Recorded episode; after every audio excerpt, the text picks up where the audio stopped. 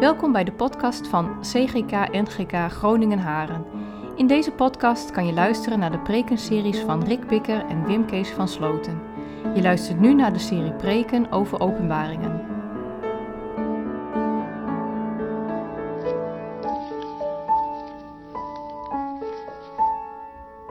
Vanaf vers 9, openbaring 21. Een van de zeven engelen met de offerschalen die gevuld waren met de laatste zeven plagen, kwam op me af en zei, ik wil je de bruid laten zien, de vrouw van het lam. Ik raakte in vervoering en hij nam mij mee naar een heel hoge berg en liet me de heilige stad Jeruzalem zien, die uit de hemel neerdaalde bij God vandaan. De stad schitterde door Gods luister, met een schittering als van een edelsteen als een kristalheldere jaspis. Ze had een grote, hoge muur met twaalf poorten. En bij elke poort stond een engel. Op de poorten waren namen geschreven, de namen van de twaalf stammen van Israëls zonen. Vanuit het oosten gezien waren er drie poorten, vanuit het noorden drie, vanuit het zuiden drie en vanuit het westen drie. De stadsmuur had twaalf grondstenen met daarop de namen van de twaalf apostelen van het Lam. Degene die met mij sprak, had een gouden meetstok, om daarmee de stad, de poorten en de muur op te meten. De stad was vierkant, even lang als breed. Hij mat de stad met zijn meetstok, twaalfduizend stadi, zowel in de lengte als in de breedte en in de hoogte. Hij mat de stadsmuur, 144 el in gewone mensenmaat, die ook engelenmaat is. De muur was gemaakt van jaspis en de stad zelf was van zuiver goud, helder als glas. De grondstenen van de stadsmuur waren versierd met allerlei edelstenen. De eerste was van jaspis, de tweede van lazuur, de derde cornalijn, de vierde smaragd, de vijfde sardonyx, de zesde sarder, de zevende olivijn, de achtste aquamarijn, de negende topaas, de tiende turkoois, de elfde granaat en de twaalfde amethyst. De twaalf stadspoorten waren twaalf parels, elke poort een parel op zich. De straten van de stad waren van zuiver goud en schitterden als glas. Maar een tempel zag ik niet in de stad. Want God de Heer, de Almachtige, is haar tempel met het lam. De stad heeft het licht van de zon en de maan niet nodig. Over haar schijnt Gods luister en het lam is haar licht. De volken zullen in haar licht leven en de koningen op aarde brengen daar hun eerbewijzen. De poorten zullen overdag nooit gesloten worden en nacht zal het er niet meer zijn. De volken zullen er al hun eerbewijzen komen brengen. Maar alles wat verwerpelijk is, en iedereen die zich met gruwelijke dingen en leugens inlaat, komt de stad niet binnen. Alleen zij die in het boek van het leven staan, het boek van het lam. Ja, gemeente voor van de Heer Jezus Christus. Voor vanmiddag dus het tweede stuk van Openbaring 21. Waar eigenlijk dat eerste gedeelte dat Wim Kees de vorige keer aan de orde heeft gesteld, vooral gaat over die stad, Jeruzalem, en dat ontzettend mooie, diepe gedeelte over, zie ik maak alle dingen nieuw. Dat zijn zulke prachtige woorden, zo goed om je aan vast te houden. Ik heb ook heel vaak gemerkt dat als je bijvoorbeeld in een familie komt waar rouw is, hè, en je moet je voorbereiden op een begrafenis, om dan die woorden te lezen, zie ik maak alle dingen nieuw. Daar zit zo'n diepe troost in. Maar de openbaring is dan na dat prachtige stuk nog helemaal niet klaar om te beschrijven wat er dan gebeurt. Ja, hoe wij, wij kunnen dat niet anders noemen als aan het einde van de tijd, als Jezus terugkomt. En het mooie is eigenlijk, dan zoomt openbaring in van de stad Jeruzalem naar wat die stad bijzonder maakt. En dat is de tempel. Dat is waarom Jeruzalem Sion zo belangrijk is. Want de tempel, en ik ga er gewoon maar eventjes een klein beetje uh, een, een, klein uh, puntje van maken van die tempel. En dan, dan vallen straks de heel veel stukjes wel op hun plek, denk ik. Maar die tempel, dat is echt een heel belangrijk ding in de schrift. Ik denk wel eens dat wij dat een klein beetje vergeten zijn als uh, gereformeerden. Want wij voelen ons vooral verbonden hè, met dat jodendom van de shul. Maar dat jodendom van de tempel, dat vinden we lastiger. Maar je moet bedenken, gemeente, dat heel die schrift door is de lijn dat God wil wonen te midden van zijn volk. Dat is, dat is voor de basislijn van heel de schrift.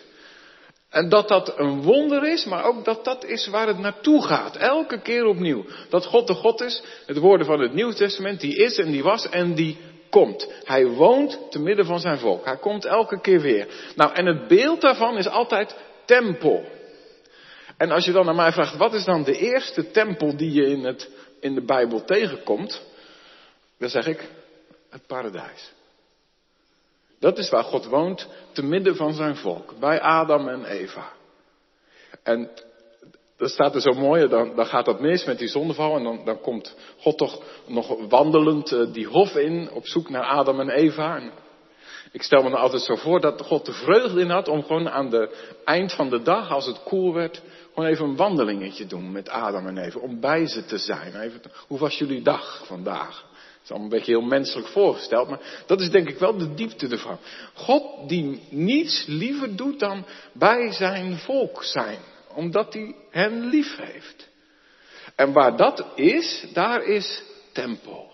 Dus dat is het paradijs, en dat is later in de geschiedenis van Israël de tabernakel, hè, die tent die meereisde door de woestijn.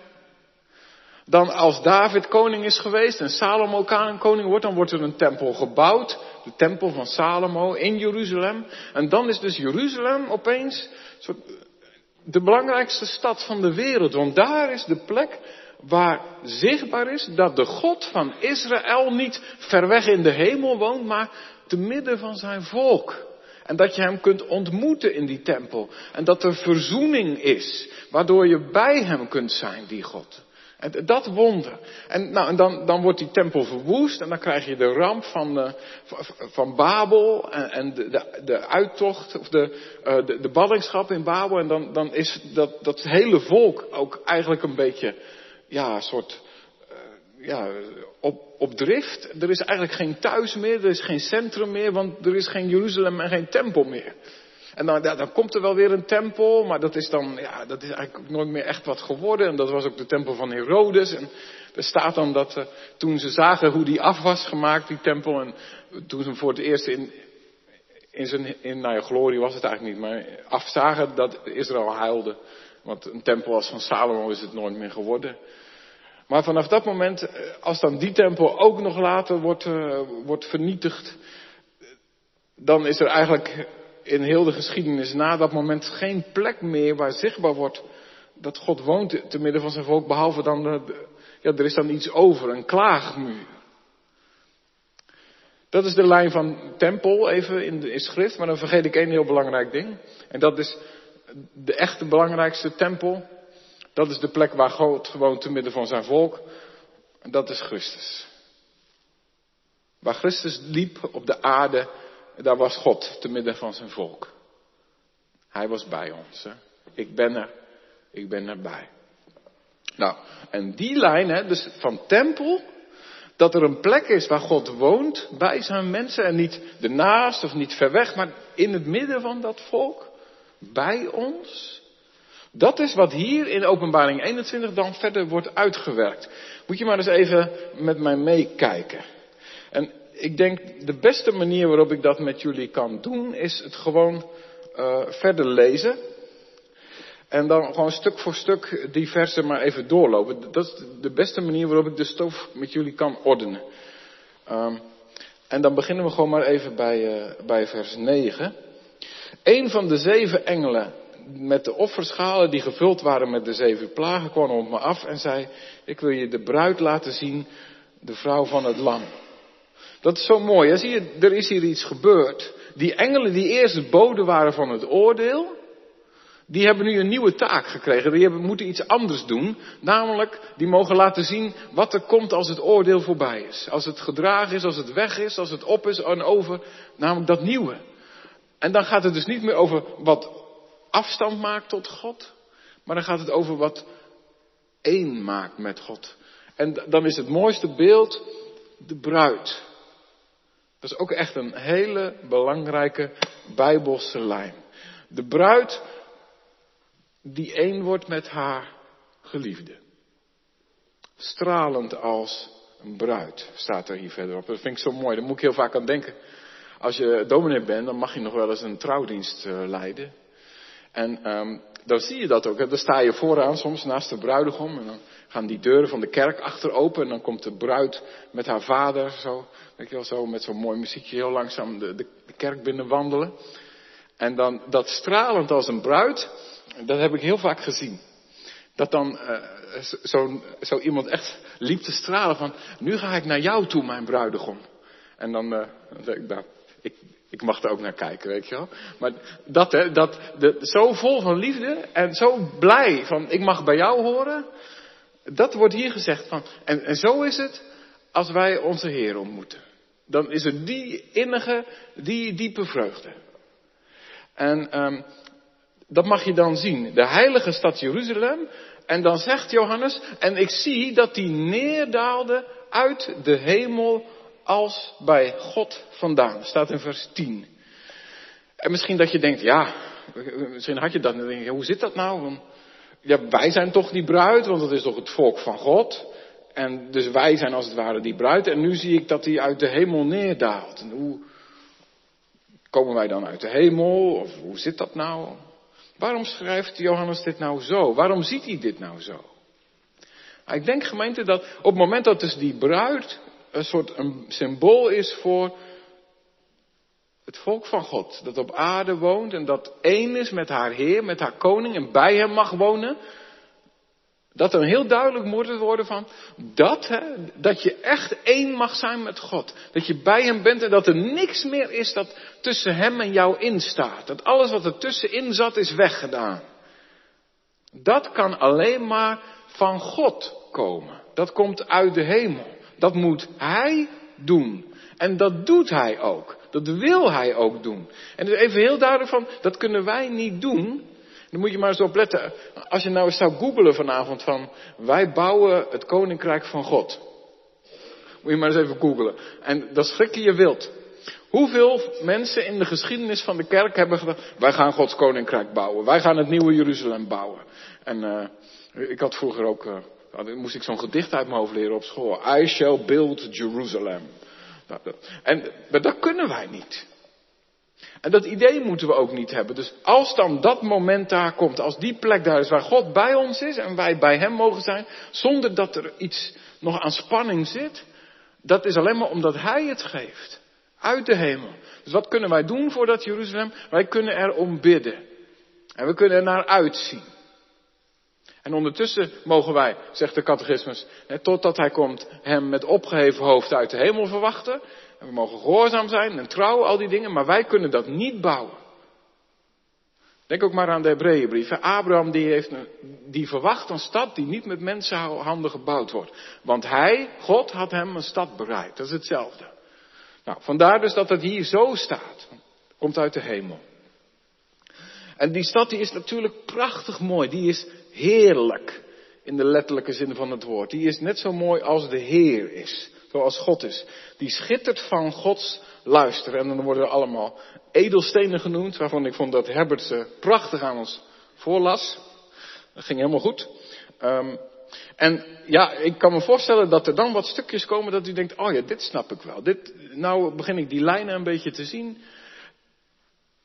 Twaalf komt heel vaak voor. Hè? Het is een stad met uh, vier muren. Eentje naar het noorden, naar het zuiden, naar het westen en naar het oosten. Ik moet het zo zeggen voor jullie. En dan uh, aan elke muur drie poorten. Dus eigenlijk naar alle kanten van de wereld staat die stad helemaal open. Twaalf poorten. En elke poort, daar staat de naam op van een van de stammen van Israël. En dan liggen er ook twaalf fundamentstenen onder die stad. En op elke van die stenen staat een van de namen van de apostelen van Christus. Dus twee keer twaalf, zoals de 24 oudsten die we al eerder in de openbaring zagen. Israël en de kerk uit de volken. Zo zie je weer hier die stad, dat is dus de stad van Israël, de twaalf stammen. En de twaalf apostelen, de kerk van Christus uit de volken. Die samen, Israël en de volken, die zijn het volk van God. Die zijn die stad. En dan, dan komen ze dus ook van alle kanten die stad binnen. Vanuit het noorden en het oosten en het westen en het zuiden. Om daar binnen te komen. En ik hoop gemeente dat u en jij ook een beetje een plaatjesdenker bent. Dat als ik dit vertel, dat je dat voor je ziet. Zo'n enorme stad. Die poorten die wijd openstaan. En dan mensen van overal vandaan. En met allerlei culturen en allerlei achtergronden en allerlei etnische achtergronden.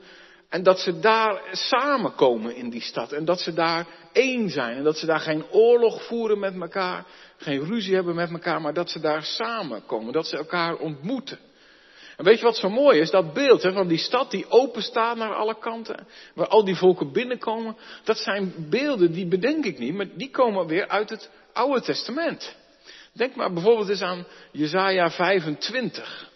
Moet je maar eens even lezen van de week. Jezaja 25. Daar zegt, dat, daar zal Jeruzalem opengaan als, en die stad, daar zullen de volken komen en die zullen dan die stad binnengaan en uitgenodigd worden voor een groot feest, een maaltijd. Met de best belegen wijnen en de meest uitgelezen spijzen, vet en merg wordt er dan bij genoemd. En dat was in die tijd blijkbaar heel lekker. Maar, dus dan kun je eigenlijk gewoon zeggen tegen je kinderen van, wat vind jij het allerlekkerste om te eten? Nou, dat begint vaak met een P.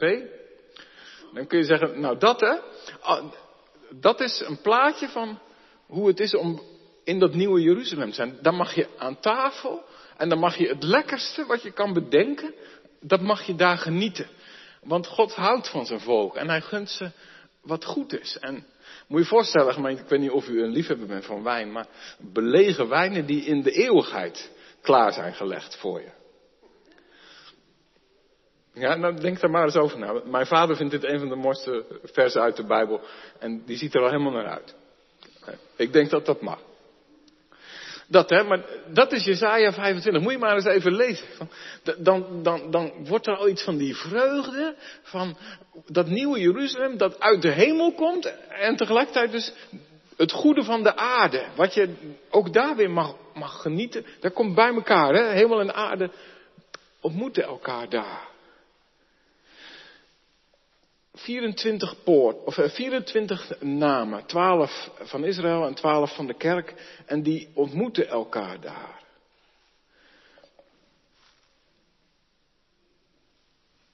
En dan, dan staat daar dat daar in het midden daarvan een, uh, een kubus is. Of eigenlijk zeg ik het niet goed. Eigenlijk moet ik zeggen dat die stad zelf een uh, kubus is. De stad was vierkant, even lang als breed. En hij mat de stad met zijn meetstok 12.000 stadien, zowel in de lengte als in de breedte als in de hoogte. Dus een enorme grote, ja, zeg maar een bouwblok. Zeg maar van Minecraft, zo'n blok. Zo dat. Dat staat daar dan en dat is het nieuwe Jeruzalem. En misschien dat u zich afvraagt van, waarom nou een kubus? Is dat, is dat niet een beetje, ja, lelijk? Een beetje, ja, bazaal of zo? Van, kan dat niet een mooie paleis wezen of zo? Of... Nou, dat is ook een bijbelse lijn. En als u uw Bijbel bij zich heeft, dan wil ik u vragen om eventjes op te zoeken 2 Koningen 6. En dan vers 16 en vers 17 en vers 20.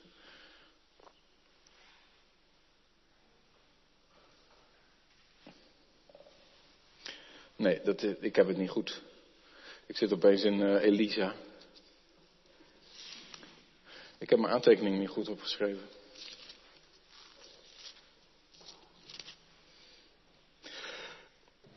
Nou, mijn excuus. Ik, uh, ik moet, hem even, moet mijn verwijzing even terughalen thuis. Ik heb het hier niet goed opgeschreven. Maar ik kan het wel vertellen wat daar staat. Kijk, 1 Koningen 6. Dank, het lag eigenlijk wel voor de hand, hè? Ga ik even zoeken. 1 Koningen 6. Um,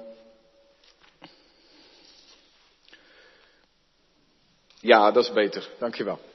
Um, de bouw van de tempel. Daar wordt verteld dat de tempel wordt gebouwd. En dan staat er dus bij in vers 16. 20 el voor de achtermuur liet hij van de cederhouten planken een wand optrekken vanaf de vloer tot het dak. Zo ontstond de achterste zaal van de tempel het allerheiligste. De ruimte ervoor, de grote zaal, was dus 40 el diep. En dan staat er in vers 20.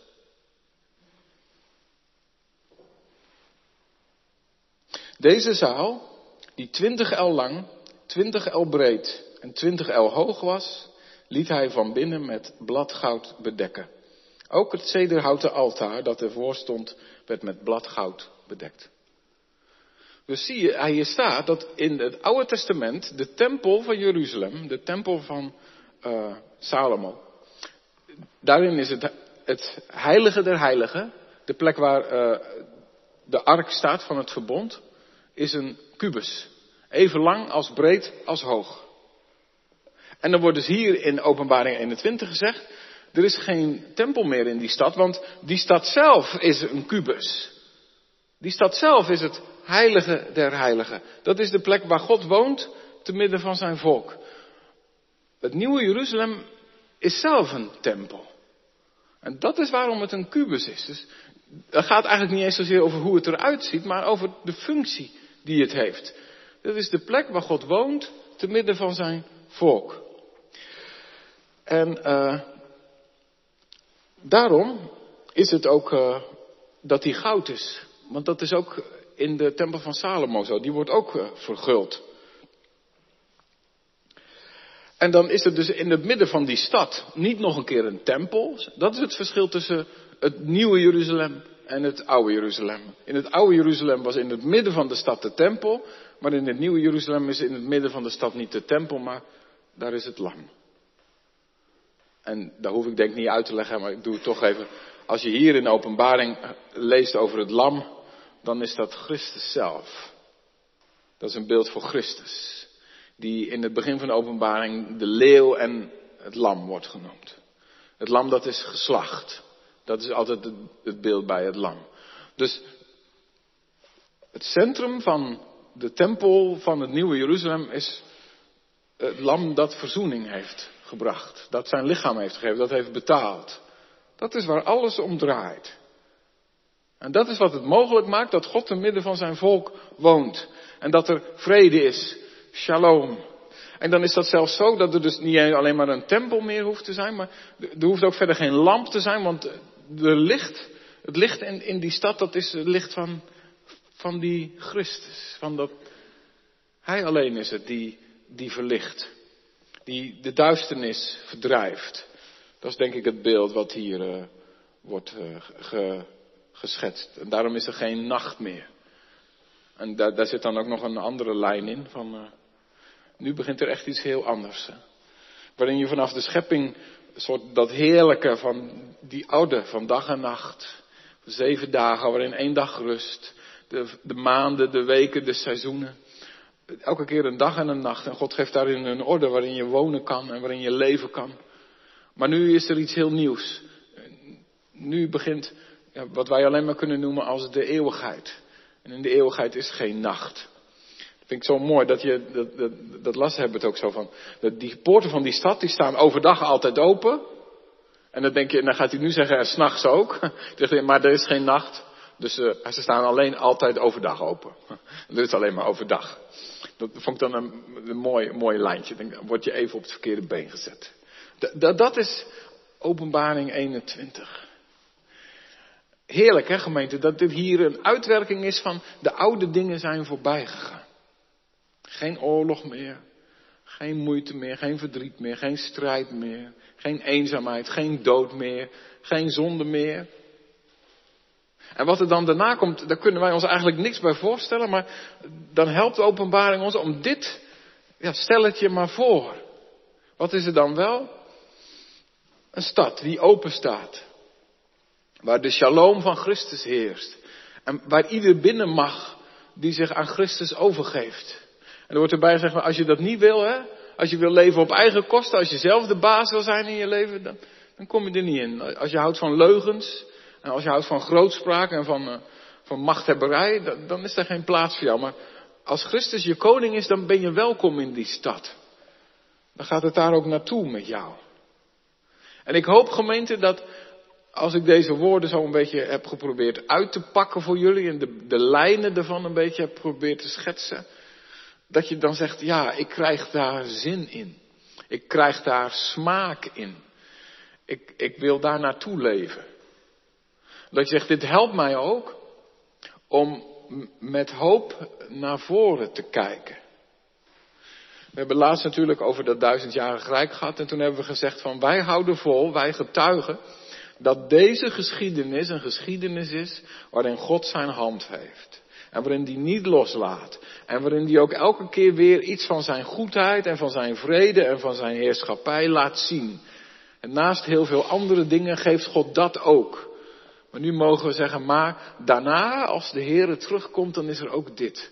Dan is er weer tempel. Dan is er weer dat wij bij Hem mogen zijn. En ja, gemeente, ik denk dat daar iets in zit wat wij ons nog niet kunnen voorstellen. Misschien dat u of jij wel eens, als je terugdenkt op je eigen leven, dat je van die momenten kunt aanwijzen. Het zijn er vaak niet veel. Dat je zegt, toen was God even zo dichtbij. Ik kan het niet beschrijven, maar ik weet het nog en ik vergeet het nooit. Er was een periode en toen was er dit aan de hand of toen gebeurde er dat. En toen merkte ik even hoe het is als God echt zomaar binnenkomt in je hart. En, en zich betuigt aan je. En dat er dan een diepe vrede komt en, en een vreugde die geen mens je geven kan. En heel vaak zijn we dat dan zo weer kwijt en dan probeer je dat vasthouden, maar dat kan niet en dan dat vervliegt als het ware. Nou dat, dat is een voorproefje van waar het naartoe gaat. Naar die tempel, naar die enorme kubus. Met die twaalf poorten en met die twaalf fundamentstenen. En dat is, dat is waar God naartoe wil met ons. Dat wij bij Hem zijn zonder dat er iets is wat ons bij Hem vandaan houdt. Dat er geen zonde meer is in mij, geen hoogmoed, geen trots, geen eigen wijsheid meer. Geen schuldgevoelens over wat er allemaal mis is gegaan. Geen gevoelens van minderwaardigheid, geen angst, geen wrok, geen bitterheid. Dat allemaal weg. Dat ik alleen maar vervuld ben van de heerlijkheid van Christus, het lam. En zijn licht, zijn shalom. En dat ik daar dan mag zijn samen met, met jullie en, en met mensen van overal vandaan, uit allerlei talen en kerken en culturen en tradities en kerkelijke achtergronden. En dat zit allemaal door elkaar op een manier waarop wij ons dat eigenlijk helemaal niet kunnen voorstellen. En dan mag je eeuwig zingen tot Gods lof. Misschien zijn er wel mensen die zeggen, oh, daar zie ik nog wel een beetje tegenop. Dat eeuwige zingen, dat lijkt me best wel heel lang. Nou, misschien moet je het maar zo zien. God is zo prachtig. Dat om echt te zien wie Hij is, heb je een eeuwigheid voor nodig. Daar ben je nooit op uitgekeken. Dat is het eigenlijk. Daar raak je nooit op uitgekeken. En, uh, en misschien dat er in de hemel ook wel zalen zijn waarin je op verschillende soorten muziek Hem kunt loven. Ik weet het niet. Staat niet in de schrift. Maar ik heb wel vrijmoedigheid om de gedachte even hier neer te leggen. Misschien is er wel een jazzzaal in de hemel. Of een rockzaal, of een klassieke zaal, of een heel grote Urker mannenkoorzaal. Kan ik me ook zo voorstellen. Maar wat ik maar bedoel is, van, laten we nou niet net doen alsof dat dan uh, saai is. Oh, oh, moet ik altijd zingen? Maar probeer je dan het mooiste voor te stellen wat jij kan bedenken. En dan mag je tegen jezelf zeggen, minder mooi dan dat wordt het nooit. Het wordt alleen maar mooier dan wat ik kan bedenken. Nou, dat is eigenlijk mijn punt. Voor eeuwig jezelf verheugen in wie hij is en in zijn liefde. Als een, als een bruid die straalt om de liefde die ze voelt. Dat is onze plek. En ik denk, er is geen mooiere plek dan die plek. Daar mogen we naar uitzien. Met elkaar. En daarvan mogen we getuigen tegen de wereld om ons heen. Amen.